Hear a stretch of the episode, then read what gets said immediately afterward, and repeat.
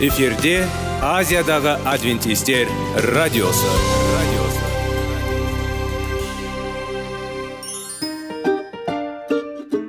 сәлем достар. Денсаулық өмір бұлағы және біздің бірінші байлығымыз демекші денсаулық сағаты рубрикасына қош келдіңіздер. Біздің рубрикада біз әртүрлі факторларменен мәліметтерменен кеңестерменен бөлісіп шын жүректен сіздердің дендеріңіз сау болғанын қалаймыз.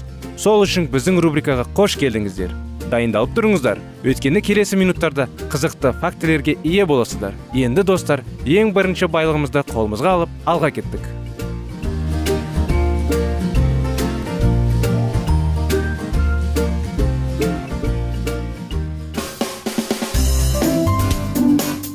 Денсаулық туралы хабар. Денсаулықтың ашылуы. Күн сайын сөз үшін күшті кеңестер соңғы жаңалықтар қызықты факторлар. Біздің рубрикада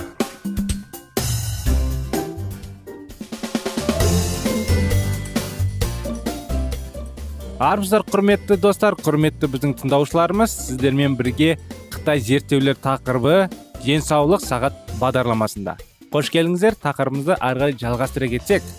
Біз аналарды оқыту орталықтарының орналасуы әр ауырдағы дұрыс тамақтанбау қиындықтардың ауырлығына байланысты болу керек деп шештік. Біз күш жігерімізді көмекке деген қажеттілік ең күшті ауылдағы бағыттандық. Әр ауылдағы аудандағы жағдайды түсіну үшін балаларды өлшеп олардың салмағы батыс стандарттары бойынша тиісті жас нормасымен салыстырылды. Содан кейін олар бірінші екінші немесе үшінші дәреже тамақтанбады. Үшінші ең нашар дәрежесі 65 процентелден төмен болады болды. Кейбір ірі қалаларда 3 жастан 6 жасқа дейінгі балалардың 15-20 пайызы үшінші дәрежеге ие болды. Мен бұл балаларды алғашқы тексеруден өткізгенім есімде. Анасы тамақ сияқты қамыс сияқты. Жұқа үш жасар егіздердің қолында көздері бар. Олардың біреуі салмағы 5 килограмм екіншісі 6 килограмм. Және оларды аузын ашуға тырысады. Сол жерде сұлы жармасы пайда болды. Ересек балалар оларды көздерін жабылған жалғы азық түлік тапшылығы және кіші бауырлар мен әпкелер көлік жүргізеді. Олардың округінде қайыр тілеп балалар без аяқ үміттің болсын тамақта қошару сол өлуге болатын жаңалық. Мұндай көрініс бізді жобаның ұзақ дамуына тағы бір рет итермеледі. Деп айтудың қажеті жоқ. Мен бұрын айтылғандай алдымен қажет болатын қиындықтар шешуге зара тұр. Тар афлатоксином жаржанғақ ол қалған сурет параметрін біз ақауыз азық түлік. Афлатоксинді зерттеудегі алғашқы қадам негізгі ақпаратты жинау болды. Филиппиндерде афлатоксинді кім тұтынған және бауыр қатерлесігін кім зардап шеккен? Осы тұрақтарға жауап алу үшін мен ұлттық денсаулық сақтау институттарына жүгініп зерттеу жүргізуге гарант алдым. Біз екінші стратегияны тағы бір сұрақ қою арқылы қолданды. Афлатоксин бауыр қатерлі ісігіне қалай әсер етеді? Біз бұл мәселені зертханалық егей құйрықтарды қолдана отырып молекулалық деңгейге зерттегіміз келді. Мен ұлттық денсаулық сақтау институттарына терең биологиялық зерттеулер жүргізу үшін екінші дәрежелі грант алуға қол жеткіздім бұл екі грант екі мақсатты жалпы ғылыми және қолданбалы зерттеуді бастады. Ол кейіннен менің бүкіл мансабымды жалғастырды. Маған мәселені жалпы ғылыми тұрғында да қолданбалы тұрғыдан да зерттеу маңызды болып көрінді. Өйткені бұл тамақ өнімдерінің немесе химиялық заттардың денсаулыққа әсер ету дәрежесін. Ғана емес сонымен бірге мұндай әсердің себебін де бағалауға мүмкіндік берді. Осылайша біз тамақтану мен денсаулықтың биохимиялық негіздерін және олардың адамдардың күнделікті өміріне қандай қатысы бар екенін жақсы түсіндік. Біз бір қатар зерттеулер жүргізуден бастадық. Ең алдымен қандай өнімдерде ең көп афлатоксин бар екенін білгіміз келді. Біз жер жаңғақ пен жүгері ең көп жұтқырғанын білдік.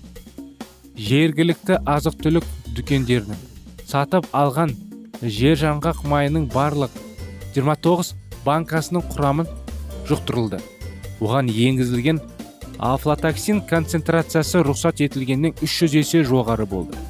Жер жаңғақ майы мен тұтас жер жаңғақ көрсеткіштеріндегі торалу оны қайта өңдеу фабрикасында басталды. Коктейль. Смю банкаларына салынған ең жақсы жер жаңғақ дәндері конвейердің қолмен алынды. Ал көгерген ең нашар жаңғақтар жер жаңғақ майын жасау үшін конвейердің соңына жеткізілді. Сонымен қатар біз афлатоксинді жұқтырған өнімдердің әсеріне және оның канцерогендік әсеріне кім сезімтал екеніне білдік. Балалар шықты. Олар афлатоксині бар жаржаңғақ майын тұтынған. Біз афлатоксинді қолдануды ішінара жеген жер жаңғақ майы бар банкалар сақталуға үйрелерді тұрақтың бағаларының зәрінде флатоксин бар метаболикалық өнімдердің шығарылуын талдай отырып бағаладық.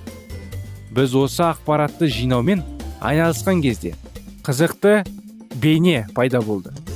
Бауыр қатерлі ісігінің ең жоғарғы жиілігі бар елдің екі аймағы манила және себу қалалары. Афлатоксинді тұтынудың ең жоғары деңгейі бар аймақтар болды. Жер жаңғақ майы тек фанила манила аймағында. Ал жүгері филиппиндегі халық саны бойынша себу қаласында тұтынылады. Алайда белгілі болғандай оқиға мұнымен аяқталған жоқ. Бұл менің президент маркастың екіншісі болған әйгілі дәрігер доктор хасе кедомен танысқаннан кейін пайда болды.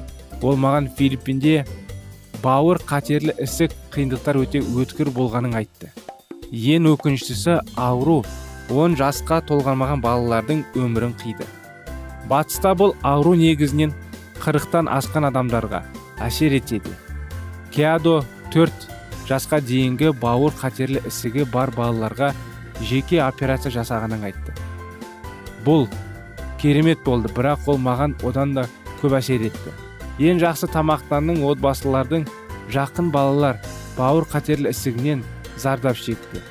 Ауқатты отбасылардың тамағы біз неғұрлым сау деп айтайық дедік олар елдің басқа тұрғындарына қарағанда ақауызды көп тұрғынның жоғары сапалы жануарлар ақауызымен бірақ олар бауыр қатерлі ісігінен зардап шеккен. Бізбен болғандарыңызға рахмет достар. Мінекей осымен бағдарламамыз аяғына келіп жетті. Сіздерді жалғасына келесі бағдарламада күтеміз. Сол уақытқа дейін сау саламат болыңыздар.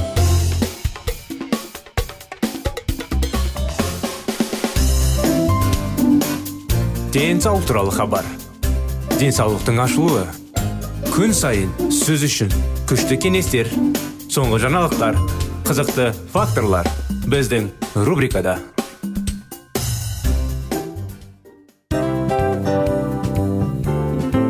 Әуелі байлық денсаулық екінші байлық он саулық үшінші байлық ақ жаулық ал енді осындай радио парақшадан кейін не дейміз? Барлықтарыңызға денсаулықтарыңыз зор болсын деп тілейміз.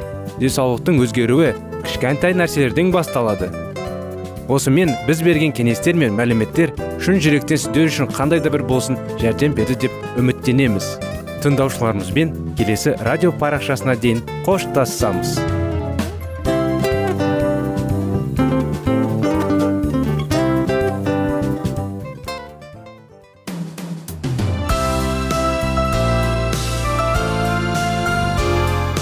эфирде азиядағы адвентистер радиосы.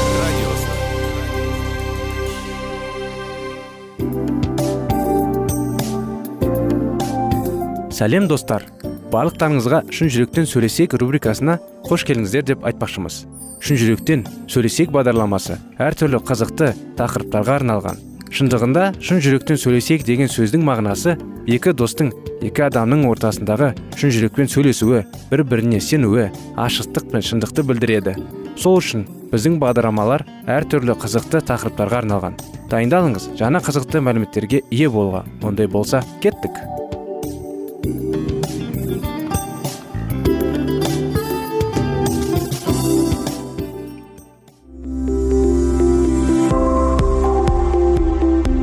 алтын сөздер. Сырласу. Қарым қатынас жайлы кеңестер мен қызықты тақырыптар. Шын жүректен сөйлесейік рубрикасында.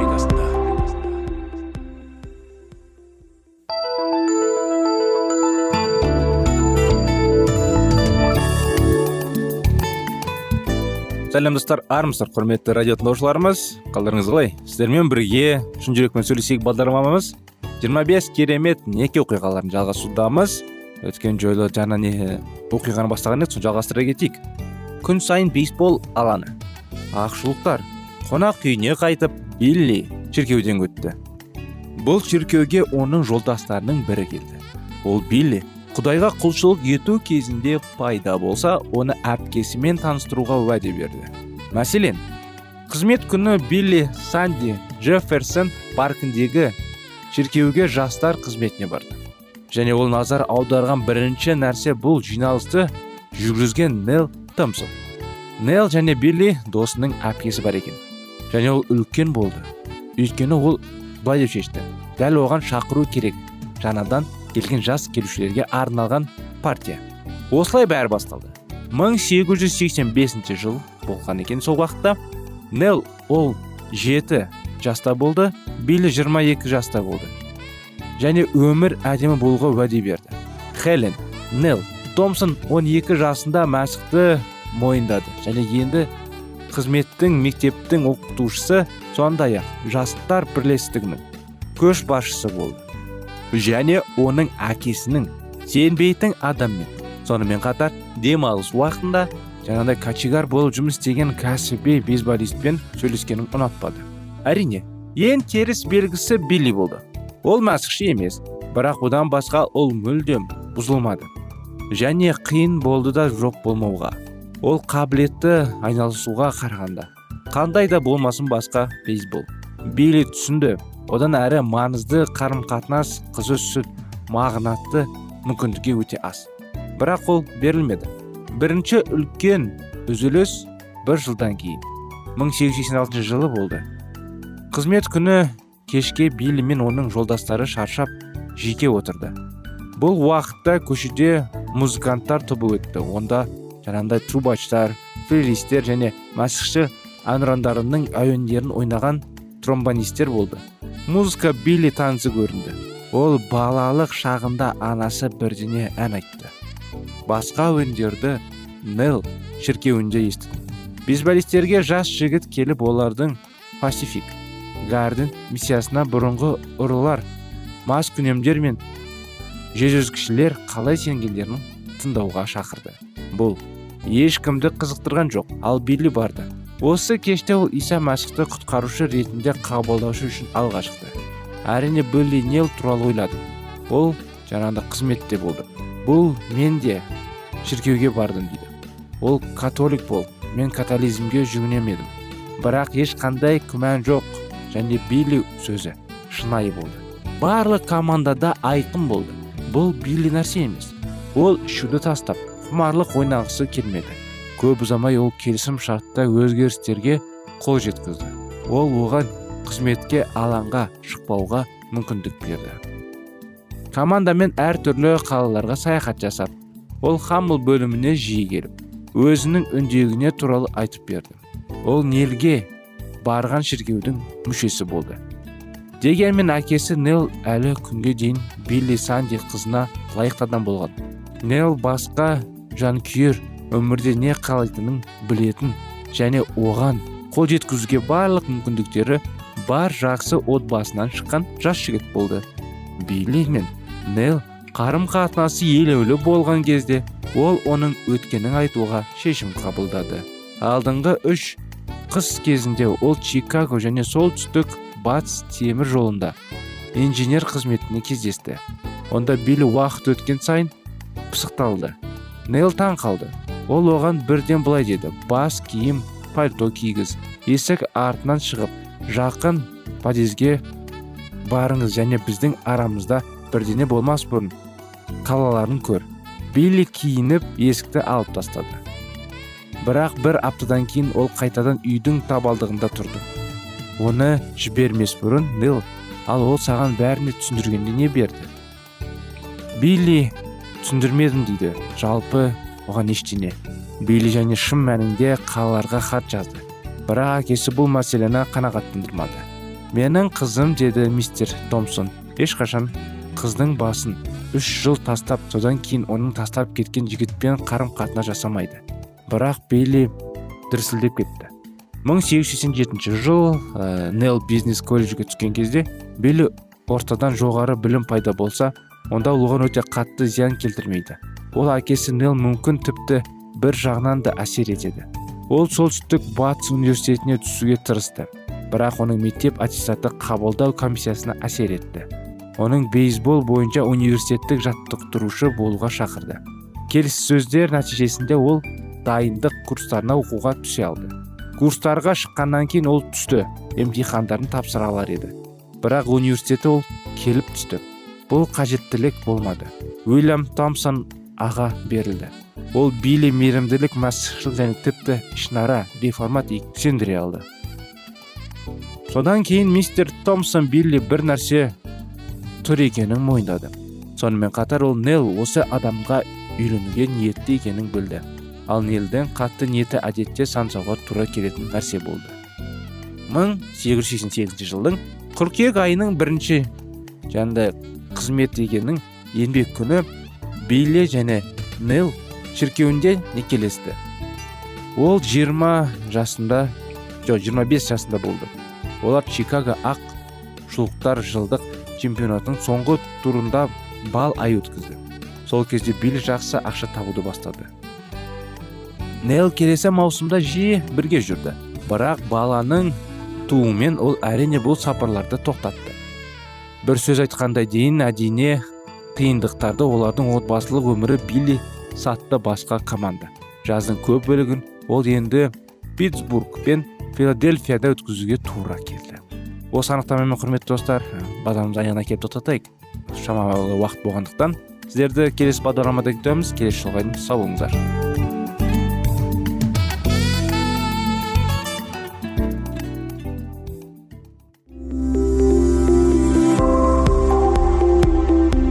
Алтын сөздер.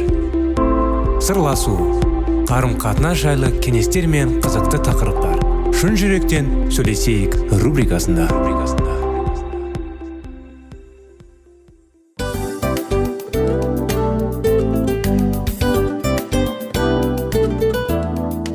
Құрметті достар барлық ең соңғы кеңестер аяқталған соң біздің программамыз соңына келіп қалды.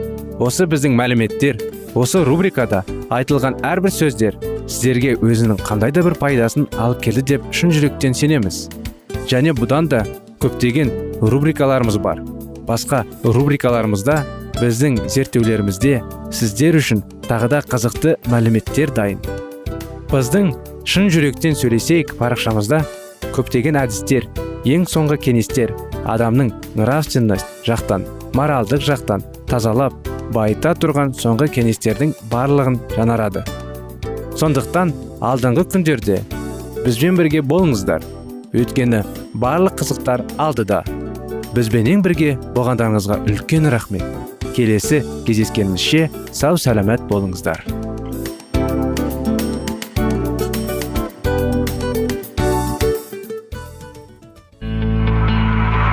Жан дүниеңді байытқан жүрегіңді жаңғыртқан өмірдің мағынасын ойландырған рухани жаңғыру. Рубрикасы.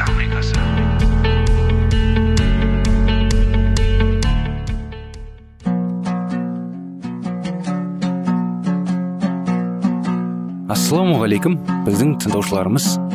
Келі кітаптың шындығын ашып берген қысқа бағдарламасына қош келдіңіздер. Барлығынан жоғары жаратушы біздің қарыңғылықта жалғыз қалдырып қойған емес. Өйткені ол келешекте не болу керек екенін киелі кітаптың парақтарында ашып береді. Немесе келіңіздер бізге қосылыңыздар. Жаратушы бізге нен ашып бергенін зерттейміз. Бұл оқиғаға көзі көргендердің бірі былай деді. Барлық жұлдыздар мен көктегі жарық денелер жасырынып немесе сөніп қалса да пайда болатын түнек бұл түнекте қорқынышты болмас. Кешкі сағат тоғызда толық айтуды бірақ соған қарамастан түнек сөйлей қоймады. Түн ортасынан былай қарай ғана түнек сөйледі. Ай болса қып қызыл қан түске айналды. 1780 жылғы 19 мамыр қараңғы күн деген атпен тарихқа енді. Мұса пайғамбардың заманның бері қарай соншалықты уақытқа созылған және соншалықты көп аймаққа тараған түнек болып көрген емес еді. Осы оқиғаның көзі көргендермен берілген сипаттамасы сол оқиға орындалмастан 25 ғасыр бұрын жоел пайғамбары жазып кеткен аяның яғни тәңірдің сөзінің әлсіз ғана жаңғырығы ызаны және ол айтылуға уақытында тамаша бір дәлдікпен орындалды. Бұл аянда ұлы да қорқынышты ақыр күні келмес бұрын күннің көзі түнеріп ай қып қызыл қан түске айналды делінген. Иса мәсіх меншікті халыққа өзінің келер алдындағы болатын заман өзгерістерін бақылап отыруларын және патшалардың патшасының келетін мезгілін қуанышпен қарсы алуға дайын болулары керектігін айтқан болатын. Сол оқиғалар орындала басталғанда бастарында көтеріліп шаттаныңдар. Себебі ол азат етілген уақыттарының жақын екенін мезгейді. Көктемде ағаштардың бүршік жарғанын көріп жаздың келе жатқанын қалай білетін болсаңдар болып жатқан оқиғаларға қарап құдайдың патшалығының тақау екенін де белгілеген болатындар деген еді. Бірақ шын мәніндегі момындық пен құдайға деген берілгендіктен орның тәкаппарлық пен құр формализм басқандықтың алланың келуіне деген сенім салқындатып кетті. Күйеумен тірлікпен айналысып көздері алақаттап дүниенің соңына түсіп кеткен құдай халқы оның бірген тәлімдерін ұмытып жалған мәліметтерімен көз алдарын тұмандатып ақыры исаның жерге екінші рет оралатын туралы ақиқат бір жолы ұмытыла басталды. Әсіресе бұл америка шіркеулерінде жиі кездесетін оқиға болды. Халық жер бетіндегі үйренішкі тәртіпті бір ақ түнде жоққа шығаратып ақырдың келетін ұмытып ыңғайлық пен бастандықты пайдаланып атақ пен байлыққа молшылық пен кеншілікке ие болу үшін жандарын салды. Арам дүние табуға билік құрып атаған шығаруға ұмытылды және сол айтылғандарға кім болса да қолын жеткізе алады деген құлшының болашақта болатын салтанатты күнді алыстата түсті. ізбасарларына өзінің келер алдындағы болатын белгілерге нұсқай отыра құтқарушымыз иса мәсіх сол оқиға болардың дәл алдында осындай шегінушіліктің болатынын білген еді. Нұх пайғамбарларының замандағындай жұрттар үйреншікті әдет бойынша үйленетіндері үйленіп тұрмысқа шығатындары тұрмыс құрып егіншілері егіндерін егіп үй салғысы келетіндер үйлерін салып саудагерлер саудасын жасап саттандар сатып алатындар алып халық құдайды ұмытып дүниенің қамын ойлап жүргенде қылышын сүйретіп ақырын күні жетеді. Бұл жөнінде иса мәсіх байқағандар рахаттының ішіп жеп массаттанып жүріп ақырын келетінін жайлы. Ұмытып кетпеңдер болашақта болатын зілзала апаттан құтылып құдайдың алдында тура алатындай болу үшін әр қашан еркек болып мінәжат етіп сыйланыңдар дейді. Қазіргі кездегі шіркеудің жағдайын құдай былайша суреттейді. Сен өзіңді тірімін деп ойлайсың бірақ сен өлісің. Байқап жүрегіңдерге алла былай дейді. Сергек болмасақ мен сенің іздеп табам қай кезде табасыңды сен білмейсің. Адамдар өздерінің қандай жағдайда тұрғандарын түсініп болашақты соңғы сынақтармен байланысты болып оқиғаларға дайын болу керек. Бұл жөнінде пайғамбар келе жатқан ақырдың күні ұлы және өте қорқынышты күн оған кім шыдап алар екен дейді. Сол күні оның алдында кім тұра алады екен деп тәңір иенің келуіне байланысты жазылған мынандай мәтін бар. Келіннің көзі зұлымдыққа қарай алмайды. Біз алланың танимыз оны жақсы білеміз деп өздері керісінше құдай заңын бұзғандар. Жүректерін зұлымдық кернеп сол зұлымдықты сүйгендерге ақырымен қоса түнек те келеді. Сол күні алла қолымен майшамым да алып иерусалим қарап келейін құдай жақсылық та жамандық та жасамайды деп заңсыздықтың үстінде отырғандарын жазалаймын дейді. Мен зұлымдық жасалғандардың жазалаймын. Тәкаппар менменшілердің көздерін құртамын. Сол күні алтындары мен күмістері оларға көмектесе алмайды. Байлықтары жеттікке айналып үйлері құлдарып босқа қалады. Осы қорқынышты заманның келетінің алдында алла білген еремия пайғамбар былай дейді. Жүрегім қобалжулы үнсіз тұра алмаймын. Өйткені менің жаным сырнайды. Дыбысын естіп ұрыстың болатынын сезіп тұр. Бұл күн кек алатын күн айғы мен қысым күні. Исрата ойсырата қайрату күні түнек күні сырнайдың дыбысын мен ұрыс күні. Бұл күні күнәқарлардың көздерін құртып жерді бос қалдыратын күн. Осы ұлы күн келмес бұрын құдай сөзі халықтарды діни дағдырыстан шығып құдайға қарай бет бұруға шақырды. Ақыр заман тақау құдайдың қорқыңдар. Ораза ұстап салтанатты жиын жариялаңдар халықты жинаңдар. Кінәларды жастар да келсін. Күйеуі балалар мен қалыңдықтар да шықсын. Құдай үйіндегі есік пен құрбан шалатын орынның ортасында жүрген дін қызметкерлері зырласын. Жыландар барлығын киімдеріңді емес жүректеріңді жыртыңдар. Құдайдан кешірім сұрап оған жалыныңдар. Алла мейірімді кешірімді өте шыдамды және аса рақымды. Ақыр күні құтқарылып қалу үшін ұлы өзгерістер қажет. Құдай өз халқының арасында көптеген адамдардың құдай патшалығына кіруге дайын емес екенін көрді. Сондықтан да ол осы хабарды әдейілеп солар үшін жіберді. Бұл хабар аяның 14 тарауында жазылған.